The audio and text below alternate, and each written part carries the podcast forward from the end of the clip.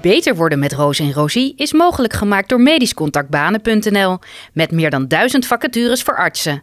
Medisch Contact Banen is onderdeel van Gezondheidszorgbanen, het portaal voor werving van zorgpersoneel. Al jarenlang voeren we gesprekken over zorg, HR en leiderschap. Binnen ons vakgebied, maar ook met elkaar. En het verbaast ons dat HR en leiderschap zo onderbelicht zijn, terwijl het een grote bijdrage kan leveren aan het oplossen van de problemen die er nu zijn in de zorg. In deze podcastserie gaan we op onderzoek uit hoe HR en leiderschap de zorg beter kunnen maken. Dit is Beter Worden met Roos en Rosie. Zo, Roos. Siets, wat is de gekste interviewvraag die jij ooit hebt gekregen in een interview? Ehm ja, ik vind die... Hoe zie je jezelf over tien jaar? Kan ik nooit zo heel veel mee. Ehm, ja, ik was toen eh, actief op social media al en de rest nog niet, dus dat viel op. Hoe kan social media de kwaliteit van de radiologie vergroten? Ja, ik, dan, blijf ik toch misschien wel bij zo'n vraag van... ehm, goh, heb je dat eigenlijk thuis geregeld met eh, kinderen en eh, een man die ook medisch specialist is? Maar dat is Gewoon omdat hij zo impertinent is. Ja, Ja. Mm, Mijn gekste vraag was: ehm, zullen we volgende week wat gaan drinken? I kid you not. maar dit was een één op één gesprek. Dit was een één op één. ge- Nee, dat was niet een één op één gesprek. En sterker nog, de sollicitant vroeg het aan me. En ik was, en ik was aan het interviewen met de operationeel manager. Was in een eh, fabrieksetting en de man solliciteerde op. Nou, ik weet het niet eens meer. Eh, en op een gegeven moment, eh, het was zo'n enorme gladde, enorme gladde autoverkoper. En die zei op een gegeven moment, ik weet wel, wat, doe je eigenlijk volgende week? Moeten wij niet gewoon, moeten wij niet gewoon eens wat gaan drinken? En eh, ik keek naar mijn collega en ik dacht, waarom Goed grijp, waarom grijp jij niet in? En hij had eigenlijk een hele grote ogen. Ja, daarna hebben we er heel erg om gelachen. Ik voelde me er wel ontzettend ongemakkelijk door. Maar ik, daarna moest ik, eh, ja, Zo'n running gag wordt dat dan daarna, hè? je eigenlijk volgende week? ja. Nee. Terwijl het inderdaad eh, nu, ja, nu zou dat allemaal niet meer kunnen. Het kon toen ook al niet. Maar dat is denk ik de gekste vraag die ik ooit heb gekregen. Maar dan was het je aan de andere kant. Ik was hem aan het interviewen, ja. Ja. ja. En als eh, sollicitant? Ehm, Ja, ik heb, het zijn gewoon heel veel vragen van ik denk, ja, weet je, als ik ze aan jou stel, dan weet je ze ook niet. Dus waarom stel je ze aan mij? Weet je, dat soort... Of wat voegt het toe aan wat ik hier kom doen? Dat soort... Zo heb ik ook wel eens de Blue Ocean Strategy eh, uitgelegd tijdens een sollicitatiegesprek. Want eh, ik had een eh, masterclass daarin gevolgd. je moet Stond mij op mijn cv. Wat de Blue... Ik weet ook niet wat de Blue Ocean Strategy is. Ja, doe je van INSEAD. De Red en de Blue Ocean en de haaien en nieuwe markten verkennen. En de Rode Zee is ver- ver- verzadigd en de haaien eten elkaar op. En dan moet je naar de Blauwe Zee. Oh ja, Nieuwe markt, nieuw businessmodel. oké. Nou, in een notendop. Het handige was dat ik het ook nog kon uitleggen ook. Oké. Kijk, Ik heb niet zo heel veel gekke vragen gehad. Ik denk dat mensen eerder bij mij... aan- Als, dat ik meer degene ben die gekke vragen stelt. Mhm. Eh, maar ik heb wel vragen gehad waarvan ik denk van... Jezus, echt? Bijvoorbeeld... eh, ja, inderdaad zo'n vraag van... Waar zie je jezelf over tien jaar? Ja, ik heb geen flauw idee. Ik had tien jaar geleden nooit gedacht dat ik hier zou zitten. Dus, en, dat is Mhm. maar, en dat is maar goed ook. ja. Dus ja, echt hele gekke vragen die me van mijn stuk brachten, heb ik niet in interviews gehad. Ik heb wel veel gemiste kansen. Dat ik dacht, oh, als ik ooit aan die andere kant kom te zitten, dan ga ik echt andere dingen vragen. Maar het is, Ja, dat is een leuk bruggetje. ja, Want de brievenschrijver van de deze brievenschrijver week. van deze week. Het is wel leuk, is iemand die zit in de organisatie van ook trainingen van hoe train je mensen om een goed sollicitatiegesprek te houden. En die was erg enthousiast over onze aflevering over assessments die we hebben gehouden. Over de zin en onzin van assessments. En toen eh, schreef hij ons eh, een brief en onderaan eindigt hij met voor een volgende podcast. Hoe kan je je voorbereiden als sollicitant, dus ANIOS, AIOS, medisch specialist, op een sollicitatiegesprek? Want naarmate beide kanten van de tafel beter zijn voorbereid, kunnen de gesprekken beter, vlotter en zinvoller verlopen? Nou, Leuk. leuk, ja. Eh, er zit niet echt een klacht in. Ja, jawel. Dus de, de klacht is dan eigenlijk van de gesprekken verlopen niet efficiënt genoeg. Zo vat ik even beter, vlotter en zinvoller. ehm. Samen. Dus de diagnose is dan... Ehm, mensen kunnen zich aan de ene kant beter voorbereiden dan dat ze nu doen. En eh, aan de andere kant, als ze zich goed, beter voorbereiden dan dat ze nu doen, hoe haal je dan het meer uit het gesprek dan wat je nu doet? Ja. Ja? Nou, Hoe bereid jij je voor op een, eh, op een sollicitatiegesprek? Eh, nou ja, even voor de rollen die, die hier dan staan. Ik keek wel wie, met wie heb ik een gesprek. Dus ik vind het ook vervelend als ik dat van tevoren dan niet weet, want dat wordt niet altijd vermeld. Wie zijn dat? En ook de organisatie zelf, eh, de, de vakgroep, maar ook het ziekenhuis. Met meteen het gevaar dat ik soms dan meer, meer wist dan, eh, dan eh, degene die er zaten, omdat ik dus de hele website had uitgeplozen. Maar ook inderdaad van, oké, wat waar sta ik nu zelf? Wat wil ik graag? Wat zijn voor, nou, in ieder geval het komende jaar of twee jaar mijn, eh, ehm, eh, mijn doelen? En waarom wil ik deze functie op deze plek? Dat is een beetje dat je daar wel over nadenkt. En ook wat zijn mijn ervaringen en hoe kan ik dat verwoorden? En krijg je daar dan ook vragen over? Ja, jawel. Dus ik, over het algemeen vond ik mijn eh, voorbereiding altijd wel bruikbaar, om zo te zeggen. Ja, en eh, hoeveel tijd spendeer je daaraan? Nou, anderhalf uur, Ja. zoiets. Ja, ik zou ook zeggen, spe- spendeer er niet langer dan een, een halve dag aan. Even Nee, als, ja. als vuistregel. Ja. En het gaat op een gegeven moment natuurlijk sneller, hè? Ja. Tenminste, je weet sneller waar je wat moet vinden en eh, wat goed is om te weten, ook naarmate je meer ervaring hebt. Ja, precies. En het gaat heel erg over, eh, het, dat gaat over je rol, maar ook inderdaad de werkplek. Maar je te veel voorbereiden, dingen, weet je wel, dingen uitschrijven en zo, zou ik persoonlijk niet doen. Omdat je voornamelijk wil laten zien inderdaad wie jij bent. Neem je een vragenlijstje mee als sollicitant? Kan, hoeft niet. Wat, waar je je prettig bij voelt. Ja, als je af en toe hebt, oh, dit moet ik niet vergeten. Maar kies wel. Ik heb wel eens dat mensen met een eh, vragenlijstje komen eh, en er staan dan 15 dingen op. Nee, ik ik denk, Mhm. je moet wel kiezen even de twee belangrijkste dingen eruit. Ik vind als je... Nou, dan kan je ze ook wel onthouden in je hoofd. Dan hoef je toch geen lijstje mee te nemen. Nee, sommige mensen hebben hele grote vragen en dan ook een hele, hele lijst. Eh, dus inderdaad, eh, wat is de visie van het bedrijf Oh, ja, die op? je we- weet je wel, maar niet de visie als een zin, maar hoe ziet het bedrijf eh, ontwikkeling in de organisatie? Of eh, Mm-mm. eh, als je dan iets voor een bijvoorbeeld een, eh, een, een, wetenschapper of zo had van ja, wat is de, de wetenschappelijke visie van eh jada jada jada? Of wat is de ik, de, ik heb vaak HR, natuurlijk HR-interviews, maar bijvoorbeeld met commerciële mensen. En die vragen dan ehm, aan mij van, eh, kun je iets meer vertellen over eh, de commerciële strategie en hoe de huidige economische omstandigheden deze beïnvloeden? En wat zijn de KPI's voor deze, Mhm. voor deze rol?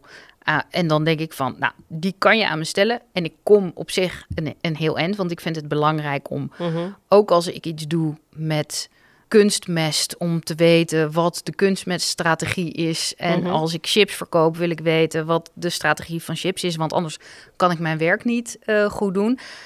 Maar ja, choose your battles, Mhm. weet je wel. Vraag, vraag aan mij gewoon iets over, joh, hoe zou je de cultuur omschrijven? Of eh, wat is kenmerkend voor eh, deze afdeling binnen het bedrijf? Ja, precies. Net dat je bij als je voor de heilige komt solliciteren, je ook niet alles over de dermatologie gaat vragen. Of, eh, Mijn idee is altijd dat een sollicitatieprocedure, en dat klinkt een beetje nat, maar dat sollicitatieprocedure toch een beetje een ontdekkingsreis is die je met z'n tweeën ingaat. En twee is dan even eh, het bedrijf en de sollicitant.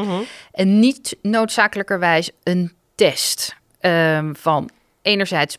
Eh, ik heb hier een lijstje waar het bedrijf aan moet voldoen en de afdeling eh, kan ik dat afvinken. En aan de andere kant, oké, onze sollicitant moet eh, hier en hier, hier aan voldoen. Als ik het visueel maak, heb je een bepaalde foto in gedachten over wat, wa- hoe ziet de ideale kandidaat eruit. En ga je is het niet een soort van painting by numbers. Hè? Dus oké, ik heb hier uh, Mhm. eh, ik heb hier de ogen van de foto of kleurtje die. En ik ga nu testen op kleurtje die. Maar ga je kijken van, kan ik een foto maken van de kandidaat? En allerlei schakeringen daarvan ontdekken. En dan ga je aan het einde kijken van welke foto's passen het beste op elkaar. Snijdt dat een beetje hout? Of eh, is dat lastig om voor te stellen? Oh, je bedoelt, de- en de ene foto is dan dat wat je zoekt. Ja, precies. Dus je hebt iets van, je hebt een profiel, Profiel. wat je zoekt. eh, en je hebt een aantal dingen daarvan op papier gezet. Mhm. Maar ook een aantal dingen die niet helemaal eh, een op- soort schets. eh, Ja. ja, o- o- o- zijn vast te le- leggen. Dus je moet, je, ja, we willen een beetje een energiek heb- iemand hebben. Of iemand die een beetje energie brengt. Of juist iemand die wat contemplatiever is. Daar heb je een soort van gevoel bij. Dus in je hoofd heb je een soort van plaatje van hoe Mhm. die kandidaat zou moeten zijn. En dan kun je daar op twee manieren ingaan. Je kan zeggen, oké, dit zijn alle losse componenten van dat plaatje. En die ga ik afvinken. Daar ga Ja. ik op aftesten. Eh, maar je kan ook kijken van, oké, er zit hier nu iemand voor me. En laten we kijken of we daar een plaatje van kunnen maken. Kunnen we een foto of een schets maken Mhm. van de persoon die hier Ja. nu zit?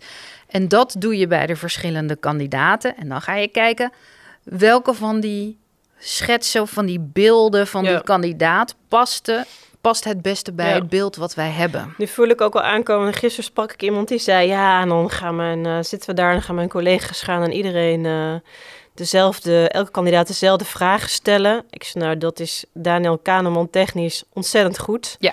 Dat je aan iedereen dezelfde vragen stelt. Niet alleen maar dezelfde vragen, hè, want iedereen heeft een ander cv. Maar dan kan je daarna ook wat objectiever eh, de kandidaten vergelijken. Ja. En anderzijds is het belangrijk dat je je oordeel uitstelt. Want we zijn natuurlijk geneigd om eerste indruk, bla bla bla, en dan dat eerste oor- oordeel en die unconscious bias nooit meer weg te vegen. Dus op zich is dat helemaal niet verkeerd. Toen zei hij, ja, maar dat is echt super saai.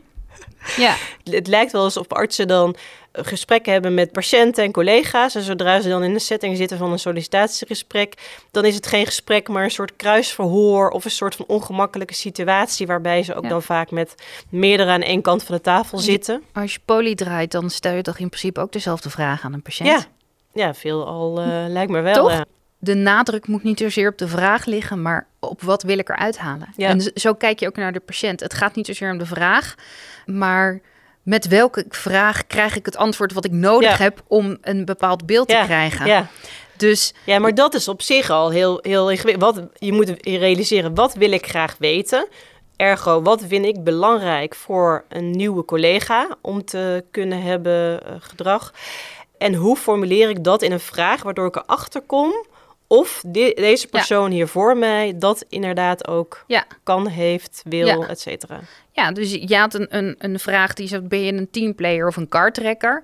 Ja, als je die vraag eh, eh, vijf keer moet stellen op een dag, Ja, ja, dan kan, kan me voorstellen dat Een je collega met zijn ogen gaat rollen. Ja, en eh, jezelf, dat je ook een beetje moe van jezelf wordt op een gegeven ja. moment.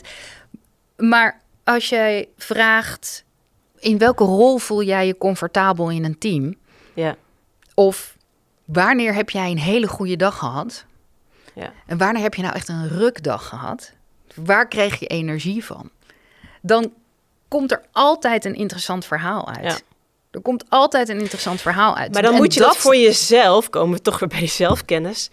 Dat, dat kun je pas echt goed doen als je dat van jezelf ook weet.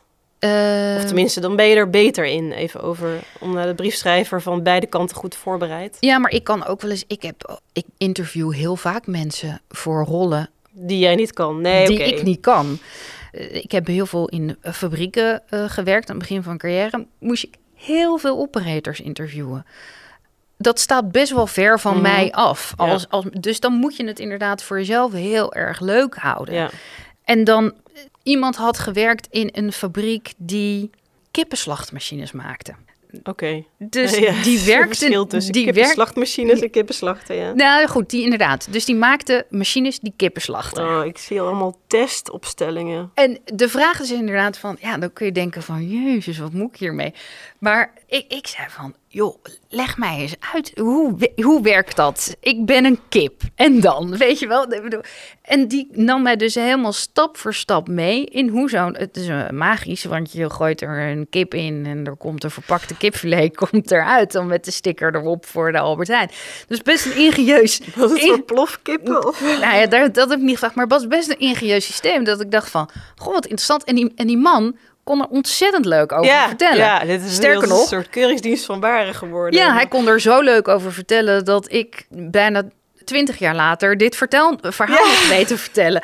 Dus zelfs Ja, dat soort komt dingen. wel kwaliteit dan daarvoor als iemand dat zo eh, kan vertellen. Dat zegt ook wel wat. Ja, dus het- en daar kan je dus allemaal allerlei weer dingen aan. Nou, je hebt dus blijkbaar passie voor zijn vak, weet je wel? Dat en natuurlijk kan je iemand die niet bij een kippenslachtmachinefabriek heeft gewerkt, die vraag stellen.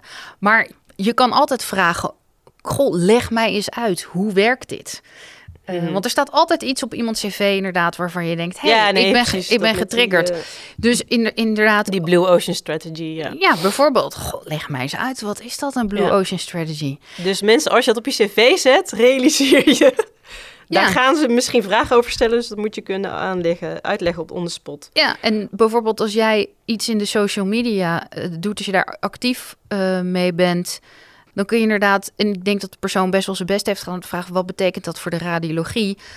Zou ik daar ook wel wat op kunnen verzinnen? Ja. Namelijk dat je zegt van, nou, ik wil het vak toegankelijker maken of eh, ik wil graag een discussie onderling en daarmee mijn kennis vergroten. En het is een wereldwijd platform.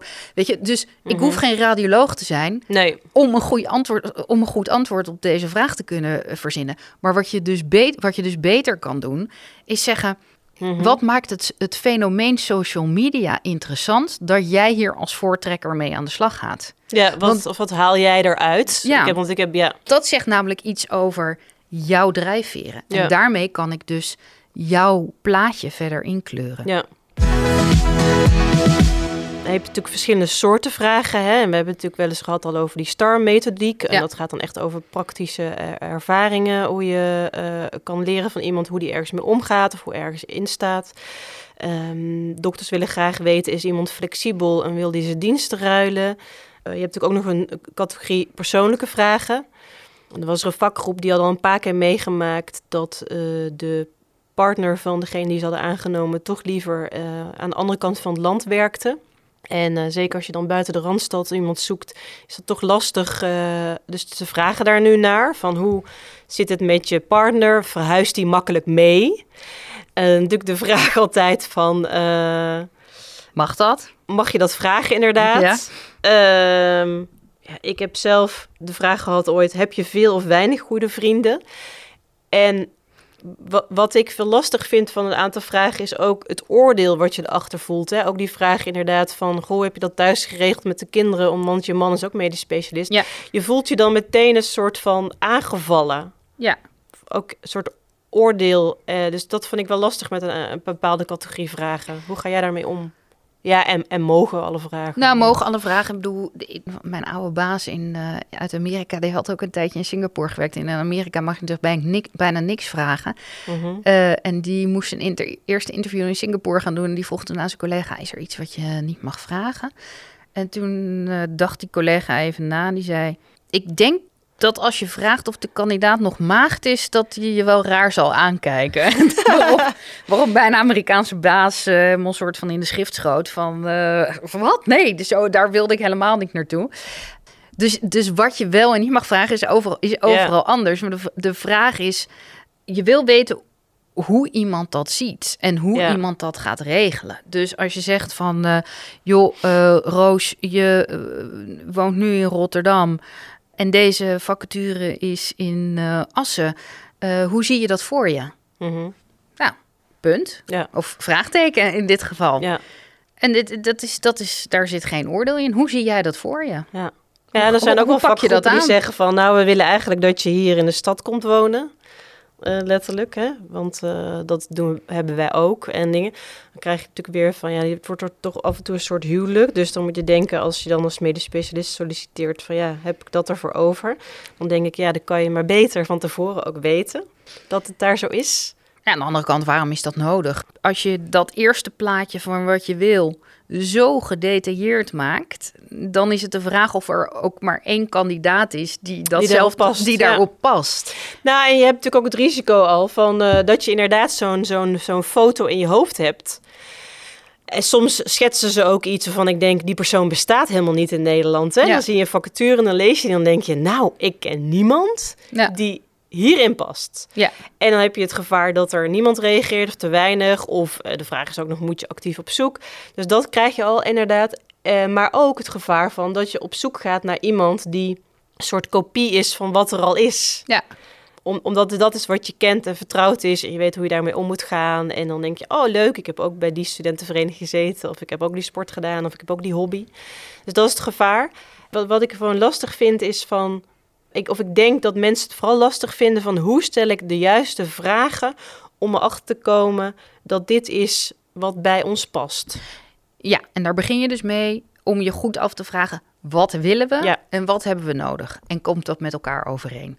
Eh, want wat je wil, inderdaad, Mhm. is niet noodzakelijkerwijs wat je nodig hebt. Nee, En daarom is het dus fijn, we hebben het ook eh, over de rol van HR gehad, om ook iemand te hebben die een beetje een spiegel voor kan houden en kan zeggen van oké, jullie vragen wel eh, een, eh, een, een, een car tracker die, dat is ook wel een vreselijk woord trouwens, maar jullie zoeken wel, beter dan een karhanger. Ja. ja, maar dat, dat, dat zoeken jullie wel. Of jullie zoeken wel iemand die super extravert is. En dan maar, maar daar zitten er wel al eh, vier van in je, in je vakgroep. En we hebben nu één, één iemand die wat introverter is. Misschien moeten we iets meer iemand erbij zetten die, die wat meer contemplatief is. Ja. En, en, en iets Ja. meer de tijd voor Ja. bepaalde Maar dat is soms dingen wel echt een bewuste keuze. Want ik, ik sprak eens laatst expert op drijfveer en die zegt er zijn groepen, vakgroepen, die doen inderdaad, eh, onderzoeken zichzelf en die zeggen oké, wat is er inderdaad aanvullend, zoeken we.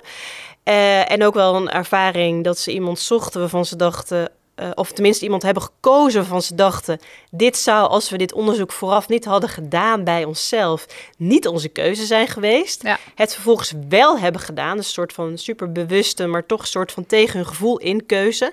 En er achteraf super blij mee waren. Ja. Maar het is ook een bepaald risico wat je neemt. Ook omdat het best wel een gedoe is om vervolgens tegen iemand te zeggen... ja, je bent een supergoeie dokter, maar het past niet in het team. Of wat, je, oh, hè, je mag niet blijven of wat dan ook. Ja, we hebben het al eerder over gehad dat je van iedereen een succes wil maken. Dus ja, als je ieder, ieder gesprek moet in ieder geval Ja. iedereen met een goed gevoel weggaan. Ja, eh, bij en je wil uiteindelijk ook van elke kandidaat een succes maken. En je wil ook van de nieuwe kandidaat die dus aangenomen wordt een succes maken. Dus als iedereen super extravert is en eh, eh, alleen maar eh, de Polonaise met elkaar loopt en harde grappen maakt... Dan moet je niet één iemand aan gaan Mhm. nemen die het liefst de hele dag Nietzsche leest. Ja, weet je wel? Want die wordt bedolven. Ja, de- die wordt doodongelukkig. Dus je moet daar wel, daar moet je gradaties in kennen. En dat moet je dus niet in één keer, moet je, niet, je hebt niet zeg maar vijf man aan de ene kant van de weegschaal Mhm. en dan een hele zware aan de andere kant van de weegschaal zetten qua competenties. Want dat gaat niet, dat gaat niet werken. Dat is niet een, een, een complementair eh, eh, Nu- geheel. Nu las ik laatst ook een stuk in eh, het blad van de buren, zeg ik even. ja, We zitten hier het gebouw hiernaast. En daar las ik in iets over auto's. iets met auto's, ja. Ja. Daar las ik in dat stuk over, het staat er nu in, over artsassistenten die introvert zijn en dat ze dan op hun kooschappenbeoordelingen al, hè, voordat ze artsassistent waren, beoordeeld kregen van ja, je bent zo stil. Dus, dus als je dan inderdaad de Polonaise loopt als co-assistent, dan denken ze, hé, hey, die is enthousiast, die vindt het leuk, dus die krijgt een goede beoordeling. Wat, wat, wat, wat op zich best geestig is, want volgens mij, als je er naar kijkt, zijn de meeste artsen introvert. Ja? ja, dat Ja. vind ik wel interessant inderdaad om voor jou te horen. Ik denk dat het per specialisme trouwens anders is. Ja. En dat het aan het veranderen is ook trouwens. Maar eh, om even inderdaad aan te geven van... Het kan best wel zijn dat op de lange termijn het voor die extroverte groep het goed zou zijn om er inderdaad niet één, maar dat je op een gegeven moment wel gaat kijken van krijgen we niet in de groep, want het zal best wel eens knetteren in zo'n groep, meer balans als we geleidelijk wat meer van de andere kant van de weegschaal introduceren. Ja, en er dus bewust van bent dat je samen beter wordt als je alle twee andere eigenschappen hebt. Eh, of, Ja. eh, of binnen de vakgroep andere Ja, eigenschappen dat is hebt. hè, dus, eh, het, Het omarmen. het hele diversiteit, inclusie. Problemen worden uiteindelijker beter opgelost. Dus je hebt misschien in de weg naartoe zal voor iedereen misschien uh, worden ervaren als moeilijker. Ik zou dat interpreteren als leerzaam. Maar de oplossing over het algemeen is, is beter ja. van diverse groepen. Nou, en dat is, het, dat is het een beetje. En daarom hamer ik zo om het krijgen van het complete plaatje van iemand. En niet een afvinklijst. Want het, het geheel is groter dan de som der delen. Ja, en mensen gaan het ook invullen. Hè? Dus die denken van, uh, dat heb ik ook een keer over gehad, over referenten bellen. Dan gaan ze referent bellen en dan gaan ze een gesloten vraag stellen. Of tenminste iets vragen waarvan ze denken, zo krijg ik het plaatje ingevuld ja. verder. Zoals ik het zie voor me al. En, en ik denk ook, want dat is een beetje, hoe kun je uh, zo'n gesprek, als iedereen goed voorbereid is. Hè, en, Mhm. en, jij gaf net even, toen we het hiervoor over hadden, uh, ook aan over dat er uh, sollicitanten binnenkomen met de STAR-methodiek uitgeschreven. En ja, voor een opleidingsplaats huisartsgeneeskunde. Ja, en dat we, dat we ook helemaal, wel eens helemaal overvoorbereid Overvoorbereid en dat we ook eens de vraag hebben gekregen. Ja, iedereen is gepromoveerd en iedereen heeft artikelen Mhm. geschreven. En hoe halen we de beste kandidaat er nou uit? Ja. En mijn antwoord is dan inderdaad: zorg dat je iemand leert kennen en een soort van compleet beeld hebt van iemand. En dat is dus dat je voorbij gaat aan, de, aan, die, aan die voorbereide Mhm. vragen. Als je het idee hebt uh, dat iemand zich over heeft voorbereid, of dat er een soort van als een, een scenario robot, uitkomt. Ja, ja dan, dan, moet je, dan, moet je, dan moet je even een andere route Mhm. gaan kiezen. Of dat de- de- teruggeven van, goh, ik zie dat je alle Mhm. vragen zo'n beetje hebt uitgeschreven. Is dit, is dit hoe je Ja, je maar ze hebben, altijd dat, voorbereidt? ze hebben dat daar zelf eh, in de hand gewerkt natuurlijk. Tuurlijk, Want ja. mensen doen wat je vraagt. Hè? Dus we zijn zelf natuurlijk het rolmodel voor datgene wat er nieuw instroomt. Dus mensen denken, als je gepromoveerd bent en je hebt X, Y, Z gedaan... eh, dan, dat zie je nu ook bij ehm VWO'ers die geneeskunde willen gaan studeren... Ja. Dus er wordt een heel gefiguurzaagd eh, profiel eh, en, en eisen van wat ze moeten doen om aangenomen te worden bij de decentrale selecties. En allerlei prepcursussen. Dus, dus wij zijn zelf schuldig aan het feit dat mensen ons naapen om ergens te komen. Ja, en dan kun je dus bepaalde maatregelen nemen die ervoor zouden moeten zorgen dat dat er vanaf gaat. Dus het afschaffen van cum laude bijvoorbeeld. Oh ja. Terwijl ik denk, ja, eh, eh, zo'n stempel, het verwijderen van het stempel gaat het gedrag niet veranderen. Nee. Weet je, het feit dat je mensen aanneemt en mensen in opleidingen worden aangenomen of mensen komen promoveren of dat je juist zonder promotie gemaakt, zon- zonder dat je gepromoveerd bent, bepaalde rollen krijgt. Dat zorgt ervoor dat mensen minder druk ervaren, Ja, maar ja. niet het weghalen van Oh. een cum laude status. En mag je zeggen tijdens het gesprek of in de vacature of achteraf eh, van de voorkeur gaat uit naar een man of een vrouw? Ja, je mag, je mag het zeggen, maar je moet er goede redenen voor hebben. Dit is even heel specifiek hoor. Ik Ja. weet niet wat, eh, wat de commissie gelijke behandeling eh, daar op dit moment over zegt. Volgens mij mag het, maar je moet het op Je voor... ziet het soms wel Ja, je moet het op voorhand, moet je het wel, als je het doet, moet je het op voorhand te kennen geven. En er moet een goede reden voor zijn. Ja. En, en, en wat dan een goede reden is, is een redelijk grijs, eh, een redelijk grijs gebied. Maar de voorkeur heeft dan man, denk ik dat het in dit geval eh, Mhm. zal zijn. Eh, dat zal ook weer samenhangen met, ja, wat is evenredig? Als natuurlijk 70% van de medische studenten tegenwoordig een, een vrouw is... eh, dan is de kans dat je een 50-50 verdeling in je vakgroep of je afdeling hebt niet zo heel erg groot. Dat zal dus uiteindelijk ook naar een 70-30 gaan, in het beste Mhm. geval. Ja. En dan zijn er inderdaad nog specifieke eh, groepen waarin die verhouding weer iets anders ligt. Bijvoorbeeld op dit moment nog chirurgie eh, tegenover bijvoorbeeld huisarts. Wat zijn vragen die je nou altijd zou moeten stellen, niet moet vergeten? Of wat zijn nou de go-to vragen? Ja, je, je- moeten vind ik altijd een beetje lastig. Ja, je moet de vragen stellen waardoor je een, een, een rond beeld van iemand krijgt. Mhm. Dus die schets zo duidelijk mogelijk krijgt. Eh, die krijg je naar mijn mening niet door gesloten vragen te stellen. Mhm. Dus stel open vragen. En stel vragen waardoor je achter iemands drijfveren komt. Ja. Dus wat beweegt iemand en wat drijft iemand? Dingen, dat kan bijvoorbeeld ook zijn eh, op het cv dat je denkt... hé, hey, eh, ik begrijp deze eh, lijn niet in het cv... of ik vind deze lijn juist heel interessant. Of, Ja, En dat kun je dus zeggen van, goh, wat een interessante, wat een interessante stap. Kun je me daar eens in meenemen? Of je hoeft niet eens te zeggen, kun je me eens mee, eh, wat je wel of niet interessant vindt als je er Mhm. niet over wil oordelen. En interessant kan een redelijk neutrale, neutrale term zijn, maar kun je me meenemen in, in, in hoe je deze beslissing hebt genomen? Ja. En dat is lastig om voor te bereiden. Ja. Dus daar zou ik voornamelijk naar Mhm. vragen. En waar krijg je energie van? Wat, wat zijn energiezuigers voor je? Wanneer, waar loop je op leeg? Eh, geef een voorbeeld van een, eh, van een hele goede dag. Ik heb ook wel eens. Wat is de ik, grootste fout die je hebt gemaakt? ik heb ook wel eens, want de, de kandidaat zelf moet natuurlijk ook vragen of moet. Als kandidaat krijg je natuurlijk ook de kans, eh, als je geluk hebt, om vragen te stellen. Heb je de mogelijkheid om vragen te stellen? Ja. En ehm, de, had ik een keer gevraagd over het. ehm, de, eh, was echt een oprechte vraag voor mij. over de patiëntenpopulatie. En toen kreeg ik als antwoord. Ja, dat zijn eh, ja, best wel mensen die zeuren. En we zitten hier in de Bible Belt. En dingen dat ik echt dacht van. Ik kreeg een situatieschetsen van. Ik dacht, ja, maar. Je verkoopt het niet echt aan mijn vriendin. Toen dacht ik. Hè? En waarom zeggen ze dit nu zo? Dus dat was ook wel weer verrassend. Dan weet je als kandidaat volgens mij niet zo goed hoe je daarop moet reageren. Nee, maar ik heb natuurlijk vaak bij bedrijven gewerkt waar, wel, waar wat aan de hand is. Weet je? Dus Ja, waarbij ja. het niet eh, eh, per definitie eh Hosanna en Polonaise lopen is. En dan krijg ik ook wel eens de vraag van waarom zou ik hier moeten komen werken? Ja, dan kun je denken, nou, weet je, Ja. ik weet het ook niet. Maar je kan ook zeggen, en gewoon wel een eerlijk verhaal vertellen en de kaart op tafel leggen zoals ze zitten. Mhm. En dat wel gewoon als, als een uitdaging, een Ja. positieve uitdaging neerleggen. Ja. Er is mooi, bijvoorbeeld, je bent nu de eh, vakgroep cardiologie in Isela en je zoekt nu cardiologen. Ja. Dan kan ik me voorstellen dat, dat, er, dat het dat best wel lastig is om die mensen te werven. Ja.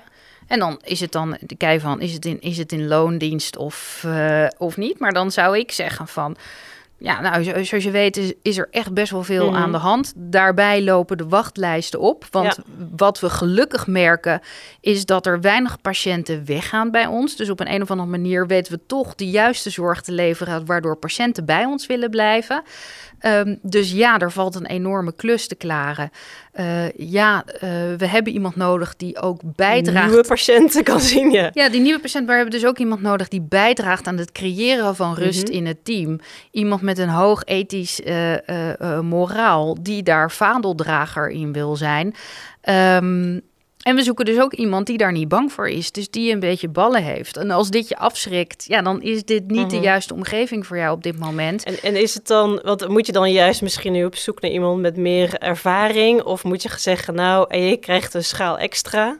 Nou, ik weet niet of een schaal extra nu helpt. Ik denk dat de financiële prikkel eh, snel, snel weg is. Nee, je moet iemand vinden die er lol in heeft verandering te brengen. Ja. En, en die de verandering is.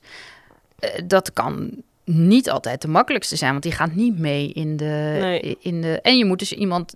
en iemand er, die er dus oké mee is dat hij niet door iedereen aardig gevonden wil worden. Mhm. En, daar, en ondanks dat wel gewoon zijn ding blijft doen. Dat is een lastige. Ja. Er zijn er niet zoveel van. Eh, nou, ik denk dat we wel wat suggesties hebben gedaan. ehm, hoe je je kan voorbereiden aan beide kanten van de tafel eigenlijk. Hè? Ehm, even resumerend, de klacht was eigenlijk... gesprekken kunnen door goede voorbereiding... eh, efficiënter en effectiever worden gevoerd. En als je ze goed voorbereidt, dan, en hadden we tweeledig... kan je ze ook... zorg dan ook dat je dat eruit haalt. Dus dat je die goede voorbereiding ook, eh, dat was eigenlijk de diagnose, er ook uithaalt. Stop niet te veel tijd in de voorbereiding en ga geen scripts in hoofd verzinnen voor de alle STAR-methodieken en STAR-E-methodieken. Ja, laat zien wie jij bent. Zorg ervoor dat jij een zo'n compleet mogelijk plaatje van jezelf laat zien. En zorg ervoor, als je interviewt, dat je vraagt naar mensen hun drijfveren, naar mensen hun beweegredenen, waar ze energie van krijgen, om zo een compleet mogelijk plaatje te krijgen en dat te leggen op het complete plaatje wat je hebt van je profiel. En kijken welke kandidaat dan het beste matcht, in plaats van punten af te gaan vinken en kijken wie, wie er eh, aan, het, aan het meeste aantal vinkjes voldoet. Want het geheel is groter dan de som der delen. En probeer de kandidaat op zijn gemak, zijn of haar gemak te stellen. En probeer zelf ook als sollicitant uh, op je gemak te zijn. Want dat komt het beste in je naar voren. En denk gewoon, ik leer in ieder geval weer een aantal nieuwe mensen kennen. En dat is sowieso leuk, toch? Hebben we geleerd in de afdeling netwerken. Precies. Heb je vragen, opmerkingen of feedback? Stuur dan een mail naar info@roosenrosie.nl. Dat is en uitgeschreven en rosie met een z. Je kan ook naar onze website om te kijken wat wij nog meer allemaal doen. Of je laat een review achter op een van je favoriete podcast-apps. Daar zijn wij ja. altijd blij mee. Of sterren. Sterren in de podcast-apps. Um, nou, hartstikke bedankt voor het luisteren. Zeg het voort en deel met je collega's dat deze podcast uh, van waarde is. We willen je hartelijk bedanken voor het luisteren. Hopelijk tot de volgende keer. Dit was Beter Worden met Roos en Rosie.